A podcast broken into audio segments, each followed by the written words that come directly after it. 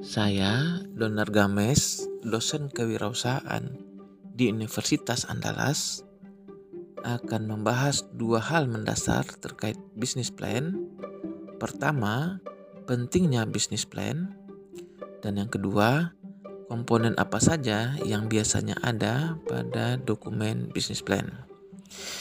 Oke, eh, terkait dengan hal yang pertama, Bisnis plan bisa didefinisikan sebagai suatu peta jalan atau roadmap yang bisa memberikan rincian terkait starting point, arah, dan tujuan dari suatu bisnis. Dengan demikian, kita bisa mengatakan bahwa pada dasarnya bisnis plan adalah kumpulan rencana-rencana strategis yang bisa memandu perjalanan suatu usaha termasuk startup atau usaha rintisan. Jadi ibarat uh, suatu perjalanan bisnis plan ini akan memandu kita sampai ke tempat tujuan atau destinasi. Lalu jika terjadi perubahan rute atau rencana selama perjalanan tersebut, maka idealnya itu sudah bisa diantisipasi atau diketahui bahkan sebelum perjalanan itu dimulai.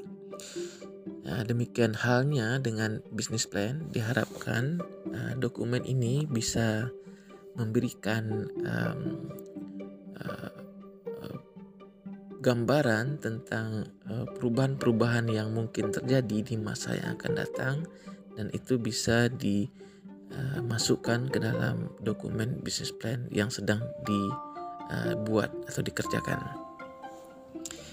Selanjutnya, sejumlah ahli seperti Green dan Hope pada tahun 2017 dan uh, sejumlah ahli lainnya telah mengidentifikasi secara lebih rinci manfaat dari bisnis plan ini. Yang pertama, uh, bisnis plan bisa membantu pelaku usaha dalam memetakan, mengorganisasikan, dan mengarahkan entitas bisnis, terutama startup, dan sejumlah pertanyaan kunci yang relevan terkait dengan hal ini, seperti di mana posisi perusahaan kita saat ini, dan ini tentu saja terkait dengan uh, keberadaan uh, kompetitor juga. Lalu, ke mana organisasi kita akan menuju? Dan selanjutnya, bagaimana cara terbaik kita menuju ke sana. Manfaat kedua dari bisnis plan adalah dokumen ini secara khusus akan menjelaskan bagaimana uh, pemanfaatan peluang bisnis secara sistematis. Dan memang uh, salah satu karakteristik utama dari kewirausahaan adalah kemampuan untuk melihat dan memanfaatkan peluang.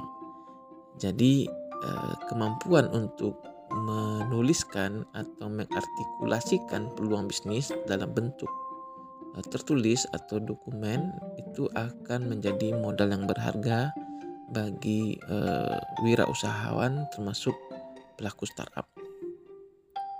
Lalu di sana di dokumen itu juga bisa disampaikan tentang sumber daya apa saja yang bisa digunakan untuk mencapai kesuksesan dalam menjalankan bisnis. Manfaat ketiga dari bisnis plan adalah eh, dokumen ini akan menjadi poin kunci terutama bagi pihak eksternal terkait pendanaan atau investasi. Jadi dalam hal ini misalnya investor eh, contohnya angel investor dan venture kapitalis akan menilai, akan mengevaluasi potensi dan uh, kelayakan dari suatu bisnis, terutama berdasarkan uh, bisnis plan yang tersedia. Lalu manfaat lainnya dari bisnis plan adalah uh, bisnis plan bisa menjadi indikator kinerja maupun mitigasi risiko dalam Eh, menjalankan bisnis terutama bagi bisnis yang berbasis strategi. Jadi secara umum kita bisa uh, menyimpulkan bahwa bisnis plan ini menjadi lebih relevan bagi pelaku usaha termasuk startup yang mendesain usahanya untuk berorientasi pertumbuhan dan memiliki perspektif jangka panjang. Jadi ibarat perjalanan tadi, perjalanan yang panjang itu membutuhkan perencanaan-perencanaan dan strategi-strategi. Dan kemampuan itulah yang akan nantinya membuat uh, pencapaian dari bisnis itu bisa lebih maksimal. Oke, okay. jadi terkait dengan itu, bisnis plan yang baik tentu saja harus mengakomodir hal-hal uh, yang terkait dengan uh, perencanaan, strategi, dan perspektif jangka panjang. Nah, dengan demikian pembuat bisnis plan itu diharapkan untuk menghindari hal hal-hal yang membuat dokumen ini menjadi tidak berguna. Apa saja itu? Terutama terkait dengan fleksibilitas dari uh, pembuat bisnis plan. Seringkali pembuat bisnis plan uh, menjadikan bisnis plan sebagai panduan, tetapi ketika situasi yang terjadi sudah berbeda, mereka sering kali tidak melakukan perubahan bisnis plan. Justru bisnis plan itu didesain untuk bisa secara fleksibel berubah, beradaptasi sesuai dengan perubahan yang terjadi. Dan bisnis plan itu membutuhkan kemampuan untuk menganalisa, kemampuan untuk memaknai situasi-situasi atau perubahan yang terjadi, sehingga tanpa itu dokumen bisnis plan ini akan menjadi kurang bermakna. Oke, selanjutnya kita akan membahas uh, tentang komponen apa saja yang biasanya ada pada uh, suatu dokumen bisnis plan. Semua hal yang terkait dengan strategi-strategi yang relevan untuk pertumbuhan bisnis akan uh, penting untuk dimuat dalam bisnis plan. Apa saja itu? Biasanya uh, komponen yang ada itu uh, yang pertama adalah tentang ide bisnis dan potensi peluang uh, bisnis dari ide tersebut. Nah, ini menjadi sangat penting karena seperti disampaikan sebelumnya, kemampuan melihat dan memanfaatkan peluang itu adalah sesuatu modal yang sangat berharga bagi uh, suatu usaha. Dan ini uh, perlu disampaikan di bagian awal tentang bagaimana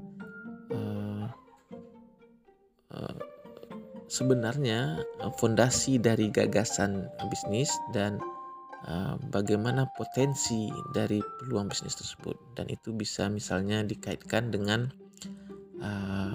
masalah-masalah uh, yang bisa diselesaikan oleh produk tersebut dan masalah-masalah itu ternyata misalnya belum bisa di, uh, di, di diselesaikan oleh produk yang sudah ada.